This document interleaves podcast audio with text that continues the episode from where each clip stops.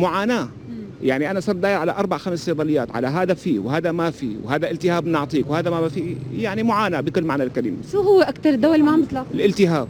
مو معقولة. وحتى عندك السيتامول اللي كان حقه 10 ليرات اليوم حقه 1500 ليرة. 1500 ليرة. مو معقول. إحنا موظفين راتبنا كله 100000 ليرة. عم نحط ظرف التهاب حقه 1500 ليرة. وفهمكم كفايه يعني الدواء هاي حقها 45000 ما عم ما عم تأمن معنا عم ندورها. ما الاختلاج. عم عم يصير معها اختلاج البنت. كل شوي عم يصير معها. ما في. صار دافع مليونين و500 مش ع- مليونين ونص ومش عم لحق أني. ابره مشان مسكن للصغير معه قلبيه ما أنا كنت قالت لي دوره كل الشام. دورت كل الشام. ما رضوا قال بدنا نروح على الوزارة لحتى يوقعوا لنا هذا الدواء من هون ورقة يعني نوقعها. بعدين ناخذ على الوزارة. بكل ولد راح. الحقيقة الموضوع تخطى في سوريا أنه يكون أزمة. أنا برأيي صار هو عبارة عن جريمة ضد الناس في الداخل السوري. الموضوع وصل للأدوية. طبعا هي الأزمة صار لها أشهر. ناس ما عم بتلاقي أدوية خاصة للأمراض المزمنة والخطيرة. منطقيا معناتها في ناس عم بتموت نتيجة عدم وجود الأدوية بدون ما حدا يحرك ساكن.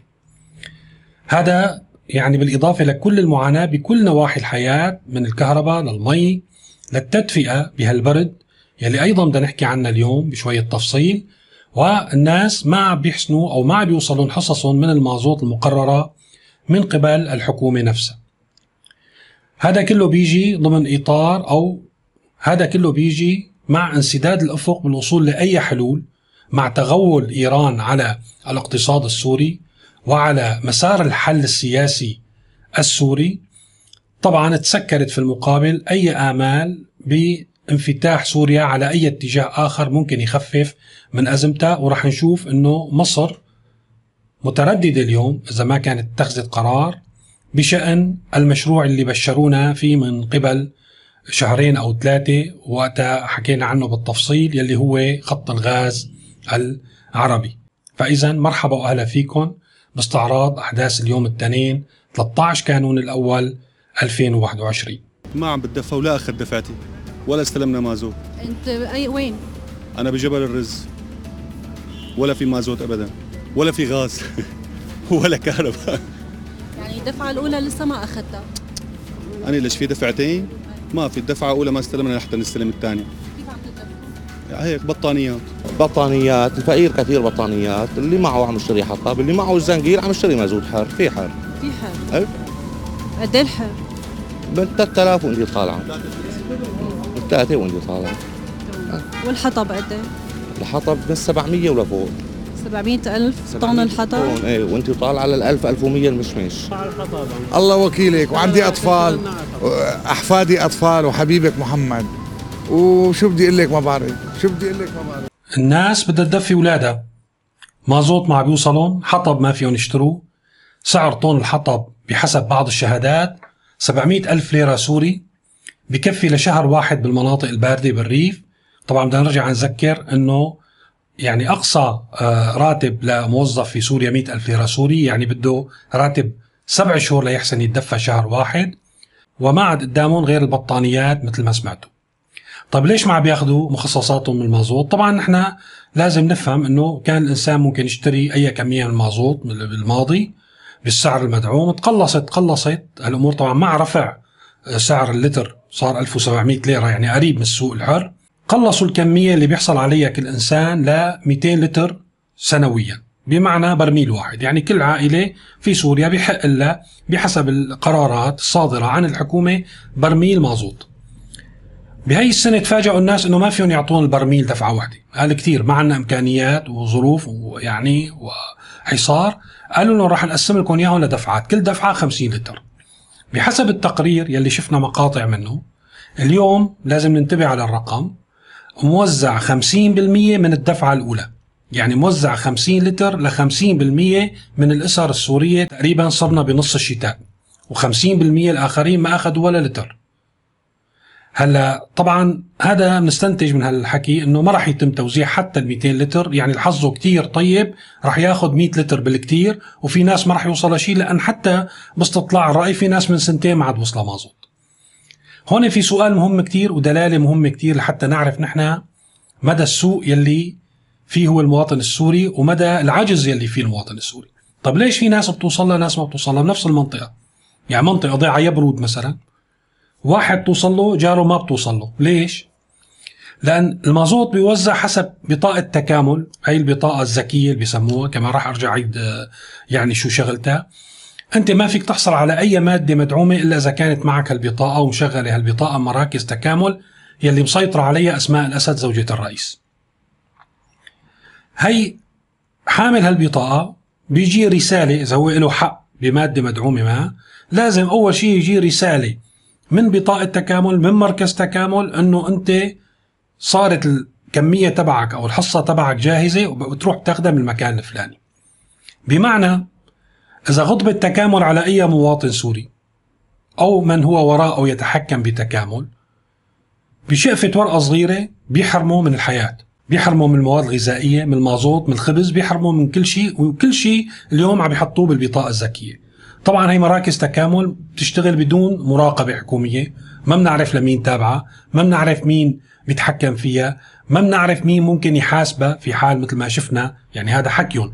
هون في سؤال. هلأ يا ريت إنه كان الموضوع إنه في مناطق وصلتها ومناطق ما وصلتها. لا.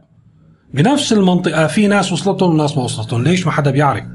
وبالتالي صارت هي البطاقة ومن وراء هذه البطاقة ومن أفرع المخابرات. لأن فيها تحرمك من الحياة حرفيا.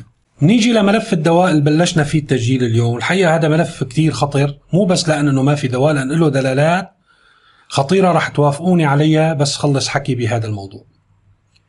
الحقيقة فيني أقول وأنا متأكد تماما أنه المواطن السوري اليوم أصبح وقود. أصبح مادة لتغذية آلة جهنمية فقط. الهدف منها توليد السيولة والوفورات للنظام ليستمر بالحكم. بالحرف الواحد. برنامج تقريبا كان آه، ساعة على آه، التلفزيون السوري الإخبارية السورية. قال عم يعالجوا موضوع الدواء. طبعا بيكون في توجيه بهذا الموضوع. طبعا هن بيظهروا المشكلة صار هذا الأسلوب معروف حتى بالتدفئة مثل ما لاحظتوا. الهدف أنه يهيئوا العالم أو يطفشوا العالم أو يقولوا لهم هذا الموجود. يعني صار في رسائل مباشرة للإنسان السوري يلي ما راح يحسن يعيش بهالظروف ان كل ما لهم بيصعبوها خليه يروح يدبر حاله. نحن ما عاد مسؤولين عنكم. موضوع الدواء طبعا الموضوع صار له ثلاثة شهور على إنه الحكومة ما عم تسمح للمعامل تزيد أسعار الدواء لأن ازدادت أسعار المواد الأولية والنقل في العالم. طبعا بسوريا ما في تصنيع المواد الأولية بيستوردوها. والمصانع إذا بدها تبيع بالأسعار القديمة بدها تخسر ما راح تبيع بالأسعار القديمة. يعني بالنسبة لها ممكن تبيع شهر أكثر من هيك ليخلص مخزونها ولكن ما راح يستوردوا مواد ويبيعوا بالسعر القديم لأن هن راح تسبب لهم خسائر ومعظم الصناعات الدوائية عندنا هي قطاع خاص. هالمشكلة صار لهم ثلاث شهور بياخذوا بيعطوا فيها. بدون ما يوصلوا لأي حل بهالثلاث شهور أو أربع شهور أو خمس شهور فينا نقول لأنه أجت بالتدريج اليوم صارت أزمة كبيرة. نشأة سوق سوداء موازية. فيها دواء بالسعر يعني آه، سبعة من أضعاف عن السعر يلي حاطيته الحكومة. ولليوم ما وصلوا نتيجة المهم أنه في هذا البرنامج أنه حتى نحن نفهم كيف نستنتج ونحلل الأمور. طلع هذا البرنامج آه، ما في ممثلين عن وزارة الصحة ما في ممثلين عن آه، وزارة عن شركات الأدوية بحجة أنه هن تغيبوا أو اعتذروا ما في مشكلة. أظهروا أزمة الدواء بشكل يعني شفاف ونزلوا عند المواطنين وعند الصيادلة وحكوا بالموضوع. ولكن خلال البرنامج اللي مدته ساعه في مستضيفين صيدلي شبيح. هذا الصيدلي عاد أكثر من 25 مرة عديت له إياها إنه الحق على شركات الأدوية. إنه يا أخي شركات الأدوية لازم تبيع. أنا مو شغلتي هو عم بيقول كصيدلي وكمواطن أنا بدي آخذ من الشركات والمستودعات فأنا بدي آخذ. ما بيهمني خسر ما خسر هو بيروح بيحل مشكلته مع الحكومة. شوفوا على المنطق. طبعا هذا الموضوع دغري بدلنا بيوجهنا يعني بالحالة السورية لازم تفهموا كيف الواحد ممكن يحلل ويستنتج الأمور. بدلنا أنه في استهداف لشركات الأدوية اليوم في سوريا. هذا القطاع اللي الوحيد اللي هو ضل مستمر فينا نقول وينتج الأدوية ويغطي السوق المحلية اليوم في استهداف لحتى نوقفه. شو بنستفيد هلأ؟ بنسأل ليش إذا وقف هذا القطاع شو الفائده لأن هلأ الحقيقة هو متوزع بين عدد من رجال الأعمال يعني كان قطاع هو كبير وواسع ويصدر. من عمليات الإنتاج المحلي أو التصدير ما في فائدة كبيرة. تصوروا أنه أنتم لو نلغي هي العمليات كلها ونستورد الدواء يلي بيحسن بيشتريه بيبيع سيارته بيبيع بيته بيبيع اولاده بيبيع الأعضاء تبعه ما في مشكلة. المهم يدفع حق الدواء بالسعر المحلي. المستورد والحلقات الوسيطة وكلها تكون مرتبطة أيضا بتجار الحيتان المرتبطين بالنظام. رح يعمل لهم دخل إضافي. أو بيكونوا ضربوا ثلاث عصافير بحجر واحد، أول شيء قضوا على قطاع صناعي بعملية التدمير الممنهج يلي عم نشوفها اليوم، ضيقوا أكثر على المواطن لحتى إذا في مجال يتخلصوا من شرائح أخرى من المواطنين ما في مشكلة، وحققوا أرباح تصب مباشرة في جيوب رجال الأعمال التي تدعم النظام. يعني ببساطة هذا الموجود. وإلا يعني هي الأزمة شو الحل تبعها؟ يعني أنا بستغرب حقيقة على التلفزيون الرسمي يعني هالعيب هذا؟ يطلع ويلقى اللوم كله على شركات الأدوية أو دوائر في وزارة الصحة، مين المسؤول في الحكومة؟ بنرجع اليوم عملت تسجيل اسمه فشة خلق. إنه صار نوع من العبودية هذه يعني حتى بالسجون بيأمنوا الطبابة بيأمنوا الأكل بيأمنوا الكهرباء بالبلدان تحترم حالها. مين المسؤول عن تأمين الدواء للناس اليوم؟ شركات الأدوية. يا أخي افترض شركات الأدوية ضربت اجى بالأرض وما عادت تشتغل شو بنسوي؟ الناس بتموت. السوريين بيموتوا في حدا ما بيمرض بهالظروف خاصة مع سوء التغذية مع نقص الدواء مع وجود الكورونا والمتحورات تبعه. في حدا ما راح يمرض؟ كيف بدنا نداوي هالعالم؟ مين المسؤول عن دوائهم كل شغلة بتسحب ايدها الحكومة منا وبتقول أنا ما دخلني. الموضوع التالي بدنا نحكي فيه هو الأجواء الإيجابية اللي شاعت بالأشهر الماضية فيما يخص خط الغاز العربي الربط الكهربائي مع الأردن زيارة وزير الخارجية الإماراتي يعني عودة العلاقات العربية مع سوريا إلى آخره. طبعا هذا مثل ما حكينا يعني ما راح أعيد ولكن لازم أذكر أنه تم القضاء على هي الآمال بشكل يعني كبير زي ما بدنا نقول نهائي من خلال التغول الإيراني ويعني الفجور الإيراني اللي ظهر بالأشهر الماضية بتمسكه بنفس الخط يلي موجود بعلاقاته مع سوريا وإعلان انه هذه العلاقات ستصبح أكثر يعني قرب وأكثر متانة في المستقبل برسالة موجهة للدول العربية بأنه لا يمكن لسوريا أن تعيد ترتيب الأمور ليميل الميزان قليلا باتجاه العلاقات العربية، يعني انسوا الموضوع.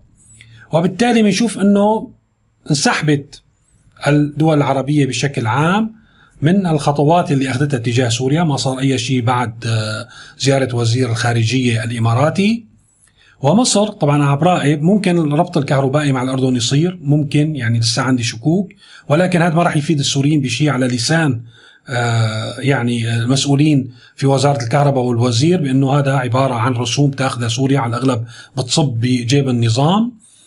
والأهم هو خط الغاز العربي مصر مترددة أنا براقب خلال الأشهر ما عملت ولا خطوة مع أنه الخط جاهز بالأردن وسوريا ما عملت أي خطوة. وفي معلومات وصلتني بأنه من فترة بأنه هي اليوم حطت أو جمدت هذا المشروع. اليوم بلشوا يعني محللين وصحفيين مرتبطين بالنظام يكتبوا عن تردد المصري وعدم تقدم مصر لإتمام هذا المشروع. ففينا نقول إنه هذا المشروع على صف على جنب. وبالتالي هالانفراجة اللي ممكن كانت تخفف على الناس ممكن نقول عليها اليوم مع الأسف انتهت. هذا كل شيء بدي أحكي فيه اليوم. يلي بده يشوف أخبار أكثر دائما على موقع سيريا نيوز أو شبكات التواصل الاجتماعي المرتبطة فيها. إذا عجبتكم هالفقرة من التغطية حول الأحداث السورية اليومية وباقي الفقرات يلي عم تبثها القناة وبدكم حابين تدعموا القناة فيكم تنتسبوا لعضوية القناة من خلال الضغط على الرابط في صندوق الوصف ودائما راجعوا صندوق الوصف لأن بحط فيه روابط سيريا نيوز وشبكات التواصل الاجتماعي المرتبطة فيه بالإضافة لبعض الروابط المفيدة يلي حكينا عنها بالمواضيع اللي حكينا عنها بالحلقة. شكرا لمتابعتكم وإلى اللقاء.